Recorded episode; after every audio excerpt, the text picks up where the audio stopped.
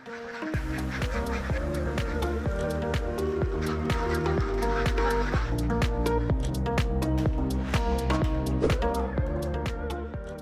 kuliner, wah pasti sudah familiar dengan makanan yang satu ini, telur bebek. Ya, selain telur ayam, telur bebek cukup banyak dikonsumsi warga Indonesia. Bahkan, telur bebek merupakan salah satu makanan pokok dalam beragam kuliner masakan Asia. Namun, buat yang mau praktis, bisa nih mengkonsumsi telur bebek yang telah diasinkan alias telur asin. Telur bebek yang berkualitas bisa didapat antara lain dengan cara merawat bebek petelur. Kali ini saya berada di kawasan peternakan bebek di Kelurahan Rorotan, Kecamatan Cilincing, Jakarta Utara. Yap, masih di Jakarta. Di tempat ini total 10 peternak bebek bergabung dalam kelompok tani maju wilayah Rorotan. Rata-rata satu peternak memiliki 100 sampai 500 ekor bebek. Jadi total ada sekitar 4.000 ekor bebek petelur di tempat ini. Kegiatan pertama pada pagi hari mempersiapkan pakan. Di alam liar, bebek biasa mengkonsumsi keong atau serangga. Tapi di sini, bebek diberi pakan ini nih. Kandangnya ada di ujung. Aduh. Jadi pagi-pagi nyiapin makanan dulu biar nggak boleh pelik. Ini pala udangnya segar banget men. Ambil dari Muara Baru ya bang ya? Dari Muara Baru. Masih fresh from the oven, tapi tetap bau anis. Hmm. Ya gitulah. Setiap 500 ekor bebek akan menghabiskan satu kuintal kepala udang setiap hari. Kalau lebih, uh, tentu boleh. Tapi jangan sampai kurang ya, karena bisa mempengaruhi kualitas telur. Hehehe, tidak main-main nih. Satu ember bisa berisi 20-25 kg kepala udang. Pagi-pagi di sehari menjadi kali ini. Ngapa? Udah bau bebek, bau udang, matahari yang panas. Semangat! Apa bang? Aman aman? Aman. Aman aman. Eh, nggak aman deh.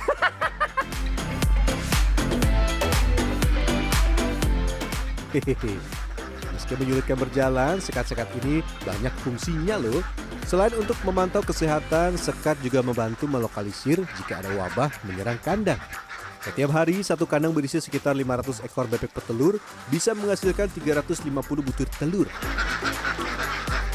Oh iya, pigmen klorofil dalam kepala udang akan membuat warna kuning telur lebih pekat, bahkan cenderung oranye. Udangnya juga harus segar ya, karena kalau sampai busuk, maka telur yang dihasilkan dinamakan telur dingin, yang artinya cepat busuk juga. Tambahkan juga pakan alternatif berupa roti atau nasi kering untuk menambah bobot tubuh bebek petelur. Telur bebek berkualitas premium akan dihargai 2-2.500 rupiah per butir. Jika cuaca baik, omset peternak bebek di tempat ini bisa mencapai 1 juta rupiah setiap hari. Hohoho. Lalu, apakah setiap hari akan untung? Belum tentu. Semua bergantung pada cuaca dan perawatan yang dilakukan. Musim hujan lah, kalau musim hujan apalagi kandang hujan-hujan angin dingin, kandang nyemprot air nih, produksi jauh menurun. Kalau selagi kandang masih kering, walaupun musim hujan kandang nggak bagus itu ya masih bisa melor 50 persen. Setelah bebek kenyang, beri sekam atau jerami untuk menghangatkan kandang. Nah, jika ingin beternak bebek di Jakarta, harus ikut aturannya ya. Mengacu pada Perda nomor 4 tahun 2007 tentang pengendalian pemeliharaan dan peredaran unggas, ada jarak minimal yang ditetapkan untuk memelihara unggas. Pada bab 2 pasal 2 dan poin keempat dijabarkan, dena lokasi kandang minimal berjarak 25 meter dari permukiman agar warga tidak terganggu oleh bau peternakan. Halo ibu. Setelah melalui perjalanan panjang perawatan dan panen telur, kita lanjut ke proses pembuatan telur asin. Nah, untuk membuat telur asin, pilih telur bebek yang utuh, tidak retak dan berukuran 80-90 gram. Nah, rendam telur bebek dengan citron selama 5 menit, kemudian gosok perlahan. Zat penambah rasa masam pada makanan atau minuman ini juga efektif menghilangkan kotoran pada kulit telur bebek. Lanjut bilas dua kali dengan air bersih. Eits, telur belum bisa langsung diasinkan ya. Sortir terlebih dahulu menggunakan lampu yang telah dimodifikasi. Oh iya, telur yang sudah pecah jangan diasinkan karena bagian dalamnya akan terkontaminasi. Rongga udara terletak di antara membran bagian luar dan bagian dalam pada ujung telur yang lebih besar. Nah, ini yang bisa, ini nggak bisa ibu ya? Iya. Oke, ini kata ibunya udah terlalu lama ya. Udah lebih dari empat hari setelah ditelurkan, jadi sudah tidak bisa lagi diasinkan. Nanti hasilnya nggak maksimal. Tapi apakah dibuang begitu saja? Enggak, masih bisa dibikin. Martabak bisa, nasi goreng bisa. Tapi kalau untuk diasinkan, yang ini, wah, jangan. Nanti hasilnya tidak maksimal, malah pembeli komplain. Ingat, telur juga tidak bisa diletakkan sembarangan. Rongga udara harus terletak di bagian atas agar tidak pecah. Lanjut setelah telur dicek kita buat bahan untuk mengasinkan. Selain garam dan bata merah yang dihaluskan, kelompok tani yang dibina oleh Dinas KPKP DKI Jakarta ini menggunakan bahan baku herbal sebagai campuran pengasinan. Ada daun salam, daun dewa, akar alang-alang, kaki secang, daun ginseng, ketumbar, jahe, dan bahan-bahan lain. Bahan herbal ini berguna untuk mengurangi kadar kolesterol pada telur asin dari biasanya 260 mg per 100 gram menjadi 4 mg kolesterol per butir yang sudah diuji di laboratorium. Setelah dicampur serta didiamkan semalaman, bubur tanah merah campuran bata merah dan garam dengan perbandingan satu banding satu ini dibalurkan ke telur bebek.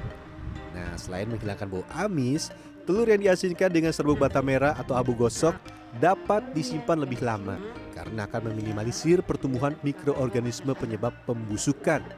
Duduk lagi. Oh, belum. Ayo, yang tebal dikit Pak. Yang ya, tebal dikit. yang tebal. Oke. Ya, gitu. Jadi Pak. jangan pelit Iya, ramuannya supaya betul. rasanya merata Iya, ke semuanya. Ya kan? Ya, jangan takut kotor. Jangan takut kotor Pak. Supaya telur asinnya enak. Iya. Oh, dan harusnya diperhatikan Mirsa, tidak boleh bagian rongkanya itu di bawah. Jadi bagian lancipnya di bawah. Eh, eh bener ya? Rongganya di atas berarti lancipnya di bawah. Oke, Iya. waduh. Kalau sampai salah bahaya. Nanti bisa hitam telurnya. Bu. Jika ingin rasa sedang, 10 hari saja cukup. Tapi kalau ingin lebih asin, bisa didiamkan sampai 14 hari. Nah, ini dia telur bebek yang telah diasinkan hampir dua minggu. Salah satu alasan produsen telur asin menggunakan telur bebek adalah pori-pori yang lebih besar, sehingga larutan garam lebih mudah masuk. Telur bebek juga memiliki cangkang yang lebih tebal dibanding telur ayam, sehingga tidak mudah retak selama proses pengasinan. Hehehe. Hehehe, jatuh telurnya. Saya kurang fokus nih. Ya. Tuh. Ya udah biarin ganti. Ya, lihatin pecahnya. Lihatin pecahnya tuh. Ya, begitulah pemirsa. Mana itu? Baba, mangkoknya. Hmm. Ya, begitulah. Norong, norong, norong, geser. Ada. Setelah dicuci bersih untuk menghilangkan tanah merah yang menempel, telur bebek disortir lagi. Ketika kuning telur disinari akan tampak bulat sempurna, sebab jika pecah ada kemungkinan akan busuk atau gagal dalam proses pengasinannya. Lalu apakah telurnya sudah bisa dimakan? Huhuhu, nanti dulu. Kukus terlebih dahulu karena masih mentah. Masak telur selama 4 jam. Bila pengukusan hanya 2 jam, telur akan bertahan 3 hari dalam suhu ruangan. Namun bila dikukus selama 4 jam bisa bertahan seminggu dan warna kuning telur juga akan jadi lebih pekat. Jika biasanya telur asin berkisar Rp3.000 per butir, di tempat ini telur dijual Rp6.000 per butir dengan beberapa kelebihan, yaitu kandungan kolesterol yang rendah dan bobot telur asin yang di atas rata-rata. Salah satu episode sehari menjadi yang cukup panjang, tapi terbayarkan sudah ada telur asin di depan saya. Kita akan dicip. Yang mana, yang mana, yang mana? Oke, yang ini nih. Hmm, nggak terlalu bau amis ya. Ya mungkin karena faktor yang tadi herbal-herbal itu. Hmm, oke, oke, oke. Kita icip, kita icip. Sebelum pandemi, produsen telur asin sejak 2006 ini bisa meraup omset sampai 50 juta rupiah per bulan. Namun pandemi memukul bisnis sampai separuhnya.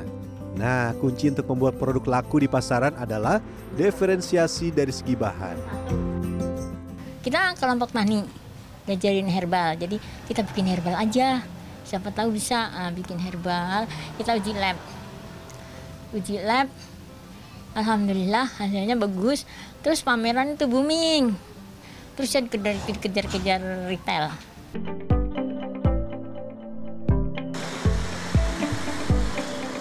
Buat yang suka makan telur asin konvensional, ingat, jangan sampai kalap ya. Meski rasanya lezat, manusia dewasa maksimal hanya bisa mengkonsumsi 200-300 mg kolesterol per hari. Dan tahukah Anda, kandungan kolesterol dalam sebutir telur asin yang biasa kita temui bisa mencapai 260 mg per butir. Wow. karena memang kandungannya kolesterol tetap ada di situ, kandungan garamnya juga tinggi ya. Tentu saja kita mesti berhati-hati untuk mengkonsumsinya, jangan sering-sering tergantung dengan kondisi kesehatan masing-masing. Kalau memang sudah mempunyai tekanan darah tinggi, sudah mempunyai kadar kolesterol yang di atas normal, mungkin sebaiknya menghindari. Selain membantu produsen telur asin mendapat pelatihan uji coba laboratorium, pemerintah kini sedang mengajukan permohonan telur asin wilayah rorotan sebagai indikasi geografis atau tanda pengenal atas barang atau komoditas yang berasal dari suatu wilayah. Wah, ternyata ada perjalanan panjang untuk sebutir telur asin yang ada di meja makan kita. Dan kalau ingin menjadi peternak bebek petelur, ingat siapkan lahan terlebih dahulu ya apalagi di wilayah DKI Jakarta. Namun kalau hendak menjadi penikmat telur asin saja, ingat diatur jumlah asupannya jangan sampai kadar kolesterol meningkat tajam karena kebablasan mengkonsumsi. Sampai jumpa pada episode sehari menjadi berikutnya ya. Rian Fernando, Dwi Agung Yuldiarto, Jakarta.